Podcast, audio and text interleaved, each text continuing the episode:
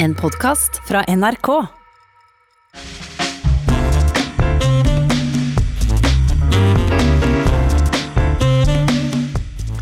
At noe er gått ut på dato, er en formulering vi gjerne setter i samband med at eh, mat har ei avgrensa levetid. Det er ikke bra å sette tennene i kjøtt som er for gammelt, men om vi nytter ord og uttrykk som er gått ut på dato, får det neppe de samme konsekvensene, men det kan jo hende at vi ikke blir forstått. Språket vårt er i konstant endring, ikke bare ved at nye ord og uttrykk kommer til, men også ved at tida løper fra ord og begrep som ikke har sin funksjon lenger. Og forfatter og språkspaltist Helene Uri, velkommen i studio. Tusen takk. Hva er det som skjer når et ord eller et begrep må pensjoneres? Av og til så er det jo slik at fenomenene for, som det ordet beskriver, ikke lenger finnes. Og da er det jo naturlig at det ikke brukes, og da går det gjerne i glemmeboken. Men av og til så tror jeg rett og slett det bare handler om uh, mote. Det er fashion i språket, du like mye som det er uh, på andre områder av uh, livet. Tenk på et ord som formiddagsmat mm. som nesten ingen sier lenger. Nå, nå, spiser vi lunsj. Så fenomenet finnes, men vi har uh, anskaffet et nytt og mer fancy ord, da, kanskje. Ja, Og da forsvinner rett og slett uh, det gamle? Ja, av og til så gjør det det. Ja.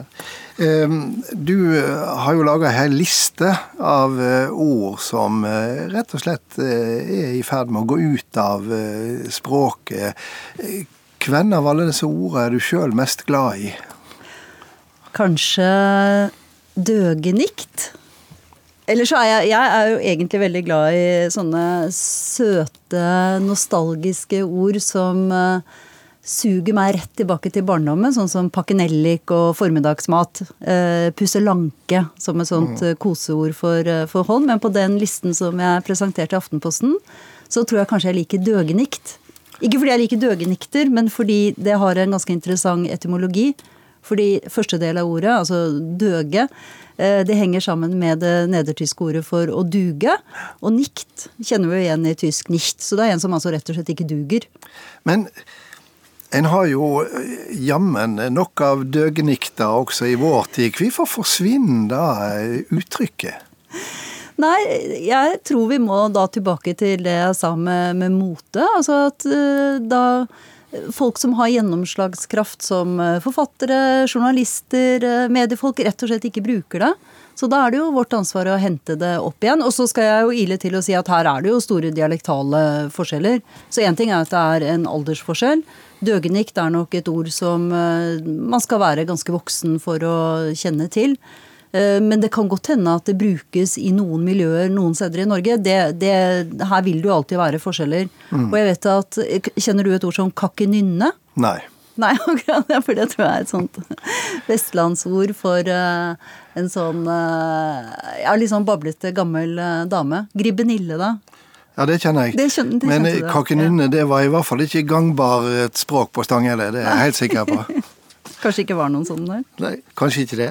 Um, et uttrykk som eh, jeg fikk spørsmål om fra et ungt menneske her eh, for eh, ikke mange dagene siden, det var uttrykket 'å ta sin tørn'.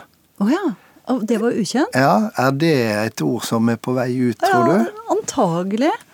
Men jeg vet jo ikke. Jeg har satt sammen med noen ungdommer som ikke kjente til ordet gamasje. Derfor tok jeg det med i den listen som jeg hadde i Aftenposten. Og dette har jo leserne reagert på og sagt at nei, gamasje det har ikke gått ut av, det har ikke gått av med pensjon ennå kan jo ha litt med alderen på de som reagerer også. Ja da, det er klart det. det er klart det.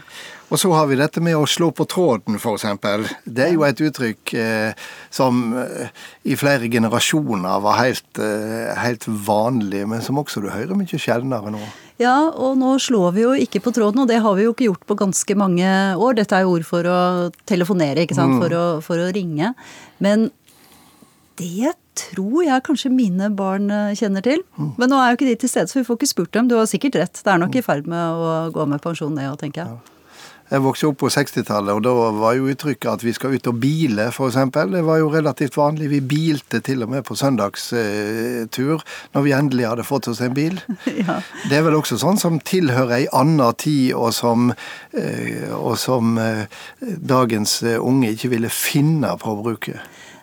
Nei, jeg tror kanskje ikke de bruker verbet bile, selv om de absolutt utfører aktiviteten. Mm. Dette er jo sånn man kan gå inn og se på frekvensen på Nasjonalbibliotekets sider. Så kan man gå inn og rett og slett undersøke om frekvensen for verbet bile da har eh, sunket de, de siste årene. Så det kan vi jo oppfordre lytterne til å gjøre. Eh, Ablegøye, det er et annet ord som du har med som, som uh, i ferd med å pensjonere seg. Ja, det tror jeg ikke det er mange som sier. Sier du, sier du det? Nei, men kunne tenkes å gjøre det. Ja. Det også er jo et artig ord. Ja, det er, veldig, det er veldig fint. Jeg har litt mer uklar etymologi, men jeg syns jeg husker at det antagelig kommer fra et nederlandsk ord. Men her skal jeg ikke være helt sikker, så her får vi undersøke i ordboken. Men uansett hvor det kommer fra, så er jo ord i seg sjøl morosamt. Det bobler veldig fint i eh, munnen, ja. Det gjør det. Og da er du en skikkelig rabagast da, hvis du eh, gjør ablegøyer, utfører ablegøyer. Rampestreker er jo også litt sånn på vei ut, tror jeg. Og rabagast, det er også noe som du, du eh, plasserer på rødlista? Jeg tok med det på denne listen over utrydningstruede ord, ja. Og så har du jo uttrykk som er veldig konkrete, og ja. som er på vei ut av språket.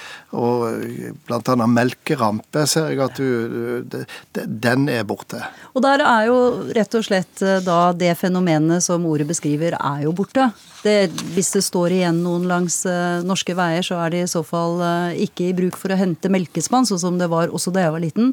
Dette ble jo avviklet på 70-tallet, og jeg husker jo melkerampene med disse mm. store melkespannene på.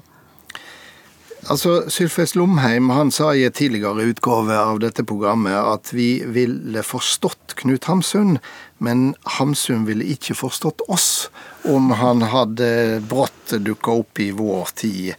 Er det så store endringer i språket over en del tiår? Ja, Det var vel satt litt på spissen av eh, Sylfest, men det vi vet er jo at det er ordforrådet som forandrer seg raskest. Vi hadde jo ikke hatt noe problemer med eller eh, Knut Hamsun ville ikke hatt noen problemer med å forstå vår bøyning eller vår setningsoppbygning, så det er jo ordforrådet. Men det er klart at han ville jo ha hatt problemer med teflonpanne og iPad og sosial distanse og ikke sant. Det er, jo veldig mange ord vi bruker daglig som han ikke Datoskrekk, datoangst, som du mm. snakket om i sted. Altså det å være så redd for å spise mat som har gått ut på, på dato. Dette er jo ord som ville vært ukjente for Knut uh, Hamsun. Og så må vi jo hele tiden skille mellom det vi faktisk forstår, og ord vi bruker. Fordi jeg tror på den listen som jeg presenterte i Aftenposten, så er det jo mange av oss som forstår alle ordene. Men vi bruker dem bare ikke lenger. Vi forstår jo ablegøye selv om vi ikke bruker det. Men så er det jo sånn at hvis en ikke bruker det over lang nok tid, så forstår en det heller ikke. Det er riktig. Senere i sendinga skal vi snakke om britene og EU, og der eh, har jo ordet hestehandel vært mye framme. Eh, hvor lenge vil det ordet gi mening for, eh, for de fleste? Det blir jo brukt en god del, så jeg kan godt tenke meg at det fortsetter å bli forstått. For det er jo ofte sånn at vi ikke lenger tenker på hva det egentlig betyr. Eh, fordi man ikke, selv om man ikke handler så ofte med hester eh, lenger på den måten og inngår da dealer og avtaler, så, så tror jeg ordet i seg selv eh, kan bli brukt, selv om ikke så mange deltar i akkurat aktiviteten med kjøp og salg av hester. Så det har jeg mer tro på. Det var i hvert fall godt å høre. Språket er og blir eh, fascinerende. Og tusen takk for at du kom i studio, Helene Uri. Og så runder jeg av med min faste kommentar. Her er denne ukas Stang inn, stang ut. I går hadde Norge storfint besøk fra Kina. I noen timer var utenriksminister Baiji i Oslo for å snakke med vår egen utenriksminister og med statsminister Erna Solberg. Tonen virker hyggelig og orda diplomatiske, men når de kritiske spørsmåla kommer, ja, da ser vi at det er Kinas autoritære ansikt som viser seg fram. Løgn, sa den kinesiske gjesten da han på pressekonferansen ble spurt om hvorfor Kina var så seint ute med å varsle resten av verden om covid-19-viruset. Steinhard kaller han sjøl sitt lands holdning til kritikken som er kommet mot Kinas systematiske og grove brudd på menneskerettene. Og disse tøffe orda ble fulgt av ei advaring mot å gi Nobels fredspris til demokratibevegelsen i Hongkong, slik kunnskapsminister og påtroppende venstreleder Guri Melby har foreslått. Slikt var å politisere fredsprisen, skal vi tru utenriksministeren på norgesbesøk. Den norske regjeringa har gått på politiske gummisåler siden Kina skjøv Norge ut i den politiske kulda etter fredsprisen til den kinesiske dissidenten Liu Xiaobo i 2010. Nå er vi inne i varmen igjen, men fremdeles er Norge svært så forsiktige med å kritisere et stadig mer brutalt Kina. Vi ser likevel ei viss dreining i retning av et og annet kritisk hint fra den norske utenriksministerens side. Det er ikke bare på sin plass, det er heilt naudsynt. For vi ser et midtens rike som bygger ut makta si i verda.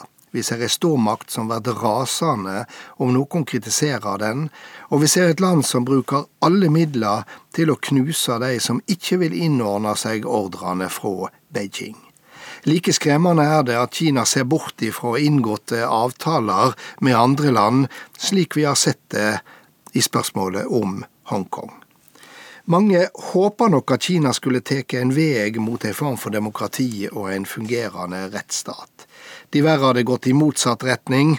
Det bør få konsekvenser også for Norges forhold til den asiatiske kjempa ikke minst av de Kina er i ferd med å verte ei stor eiermakt i viktig infrastruktur i mange land, også hos oss her i Norge. Det er et faretrugende perspektiv når vi veit at denne eiermakta blir forvalta av autoritære krefter som nekter å la seg korrigere. Derfor er det heller ikke til å stole på. I oktober får vi vite om demokratirørsla i Hongkong for Nobels fredspris. Den har gjort seg fortjent til prisen, men er sjølsagt ikke den eneste kandidaten.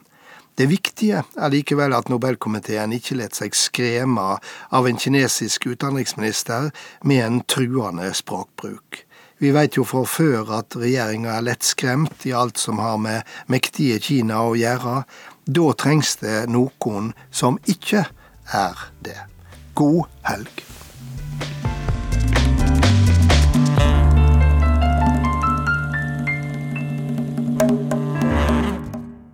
Du har hørt en podkast fra NRK. Hør flere podkaster og din NRK-kanal i appen NRK Radio.